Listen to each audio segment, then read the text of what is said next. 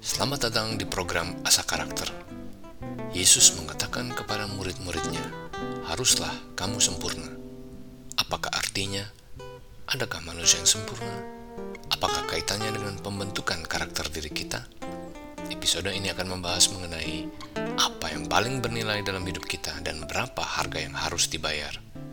Jika Anda menikmati episode-episode dari Asa Karakter, silakan membagikannya kepada teman-teman yang membutuhkan. Bagikan komentar Anda di Instagram @asakarakter. Komentar Anda dapat menjadi berkat bagi orang lain. Selamat mendengarkan. Dalam sejarah transportasi, Titanic mungkin merupakan kapal laut yang paling besar dan paling mewah pada zamannya. Titanic dibuat pada tahun 1912 dengan biaya kurang lebih mencapai 7,5 juta dolar. BBC mencatat bahwa tiket paling murah untuk menaiki Titanic pada saat itu adalah sekitar 7 euro. Di mana kalau dikonversi pada saat ini yakni sekitar 800 euro yang berarti sekitar 13 juta rupiah lebih. Dengan panjang sekitar 269 meter, lebar sebesar 28 meter, dan tinggi 53 meter, Titanic merupakan kapal yang sangat megah dan mewah pada saat itu. Selain nilainya yang sangat mewah, Titanic juga diyakini tidak akan tenggelam. Wakil Presiden perusahaan White Star Line Philip Franklin menyatakan pada saat itu bahwa tidak ada bahaya yang dihadapi oleh Titanic. Titanic tidak akan tenggelam. Namun kenyataannya, Titanic kemudian secara tragis tenggelam di perairan lautan Atlantik Utara pada 15 April 1912. Nyatalah bahwa nilai kapal tersebut yang mewah tidak menentukan keamanan dan kekuatan dari kapal tersebut. Memiliki nilai berarti mengetahui berapa harga yang dimiliki atas sesuatu yang dianggap bernilai itu. Apa pun bentuknya, segala sesuatu yang kita anggap bernilai pasti memiliki harga. Jadi, nilai sebuah objek menentukan berapa harganya dan sebaliknya.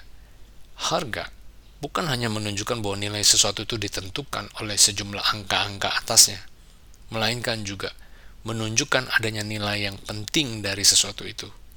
Dalam hal Titanic, Sepertinya, harga kapal tersebut hanya dinilai berdasarkan kemegahan dan kemewahannya, namun tidak berdasarkan kekuatan dan keamanannya. Sejak kejadian Titanic, kapal-kapal dibuat lebih baik dan lebih aman untuk ditumpangi oleh penumpang. Apakah yang paling bernilai dalam hidup kita sebagai seorang Kristen? Untuk menjawab pertanyaan ini, saya mau merujuk kepada pertanyaan yang pernah diajukan oleh Dietrich Bonhoeffer, yakni, bagaimana kita dapat menghidupi kehidupan Kristen di zaman modern ini.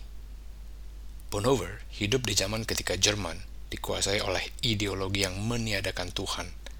Menurut seorang penulis bernama G. Leibholz dalam memoir mengenai Bonhoeffer, Perang Dunia Kedua pada dasarnya adalah perang ideologi. Walaupun ada segelintir orang Jerman yang meyakini bahwa ada ideologi lainnya seperti tradisi Eropa dan Barat yang bisa menandingi ideologi Hitler, namun sejarah membuktikan bahwa ideologi tersebut juga gagal menghentikan kekejaman Perang Dunia Kedua. Menurut Leibholz, Bonhoeffer lah yang menyadari bahwa hanya kembali pada iman di dalam Kristus yang bisa menyelamatkan Jerman dari kehancurannya. Saat ini kita berada dalam masa yang sulit, berperang menghadapi penyakit yang mematikan.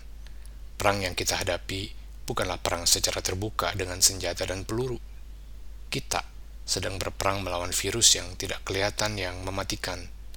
Walaupun para ahli sedang berusaha mencari antivirus dari virus corona yang kita hadapi ini, namun sebenarnya peperangan utama kita bukanlah virus tersebut, melainkan diri kita sendiri. Peperangan kita mungkin adalah peperangan terhadap diri kita sendiri dalam melakukan disiplin, menjaga dan memelihara kesehatan kita – bukan hanya demi kepentingan kita, melainkan demi kepentingan orang lain dan dunia kita, serta kelangsungan anak cucu kita.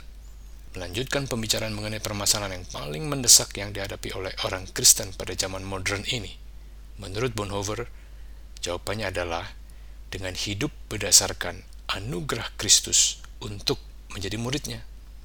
Ada dua hal yang dimaksud oleh Bonhoeffer, yakni pertama, hidup berdasarkan anugerah Hal itu berarti bahwa panggilan buat kita untuk mengikut Kristus yang merupakan sumber hidup yang sejati.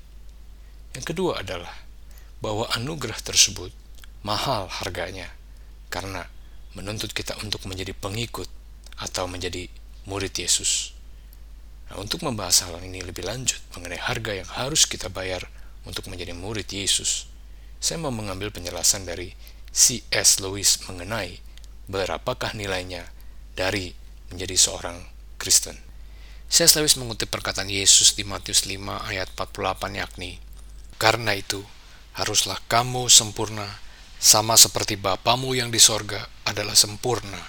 Ayat tersebut merupakan satu bagian ayat dari rangkaian khotbah Yesus di atas bukit. Apa artinya menjadi sempurna?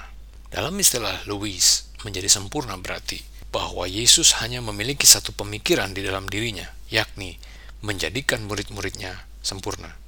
Hal ini begitu penting, bahkan ketika murid-muridnya menginginkan kehidupan yang seperti orang-orang pada umumnya.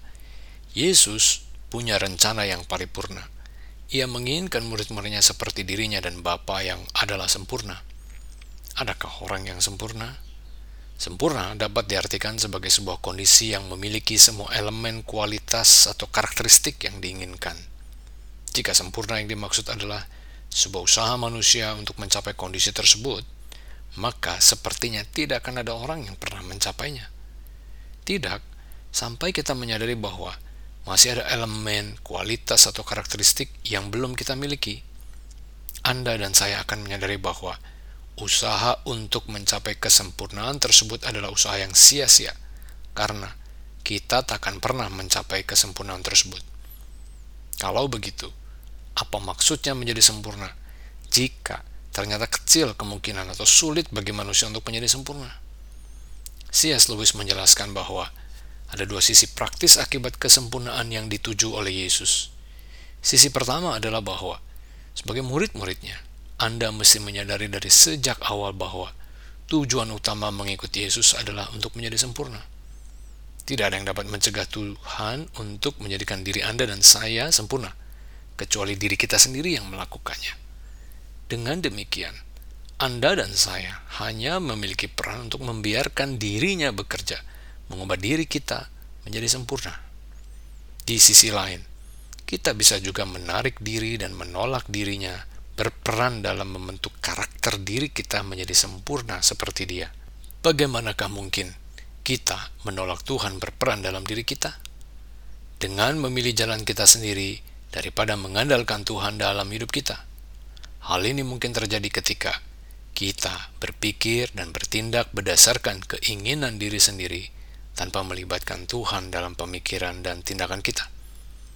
Tuntutan untuk menjadi sempurna tidak berarti bahwa ia membiarkan Anda berjuang sendirian di tengah peperangan. Tuhan tahu bahwa usaha kita tidaklah mampu membawa kita pada kesempurnaan yang Ia kehendaki. Ia mengetahui bahwa setiap kali usaha Anda dan saya gagal, Ia akan mengangkat diri kita untuk kembali ke medan peperangan dan untuk memenangkan pertandingan. Dengan kata lain, Tuhanlah yang akan menolong kita menjadi sempurna seperti dirinya dan bukan karena usaha diri kita sendiri. Panggilan yang ditujukan kepada diri kita untuk menjadi sempurna seperti Yesus bukanlah sebuah pemikiran yang utopis. C.S. Lewis menegaskan bahwa orang-orang mungkin maunya berpikir untuk menjadi seperti orang-orang pada umumnya. Saya sendiri berulang kali memikirkannya dan mengatakan pada diri saya sendiri, "Ah, mengapa saya tidak hidup saja seperti orang-orang pada umumnya?" Yang saya maksud adalah seperti ada godaan buat saya berpikir bahwa yang saya perlukan adalah untuk menjalani saja hidup tanpa perlu memikirkan apa kehendak Tuhan dalam hidup saya. Apa yang Tuhan ingin saya lakukan bagi dia dalam hidup saya. Godaan untuk mengikuti keinginan saya untuk menjadi bukan siapa-siapa dalam hidup ini. Namun, Louis menegaskan bahwa mengecilkan diri sendiri dari rencana Tuhan dalam membentuk diri kita – bukanlah kerendahan hati, melainkan kemalasan dan sifat pengecut.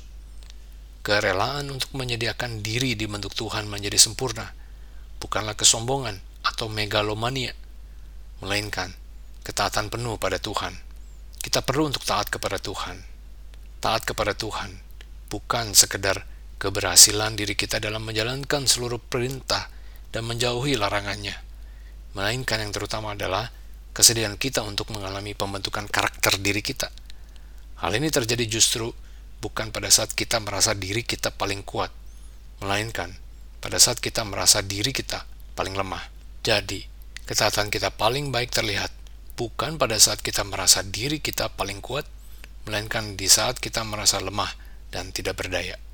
C.S. Lewis mengatakan, ia akan menjadikan diri kita yang paling lemah dan kotor menjadi dewa atau dewi, cemerlang, bercahaya, makhluk abadi, memiliki ritme melalui energi dan sukacita dan kebijaksanaan dan cinta yang tidak pernah kita bayangkan. Sebuah kaca dari baja yang bersinar di mana sinarnya merefleksikan kembali secara sempurna ke arah Allah, walaupun dalam skala yang lebih kecil tentunya, kepada kuasanya yang tidak terbatas, sukacita, dan kebaikannya. Jadi, apakah nilai dari menjadi seorang Kristen? Yesus mengajarkan bahwa nilai seorang Kristen adalah dengan menjadi sempurna. Hal itu berarti mengalami pembentukan karakter untuk mencapai tujuan seperti yang Tuhan kendaki dalam hidup kita. Pembentukan karakter ini merupakan sebuah proses di mana kita membiarkan Tuhan bekerja di dalam kelemahan kita untuk menjadikan diri kita serupa dengan gambaran dirinya. Berapakah harga yang harus dibayar? harganya adalah seluruh hidup kita. Namun, harganya sungguh sangat sepadan dengan nilainya. Maukah kita membayar harga tersebut? thank you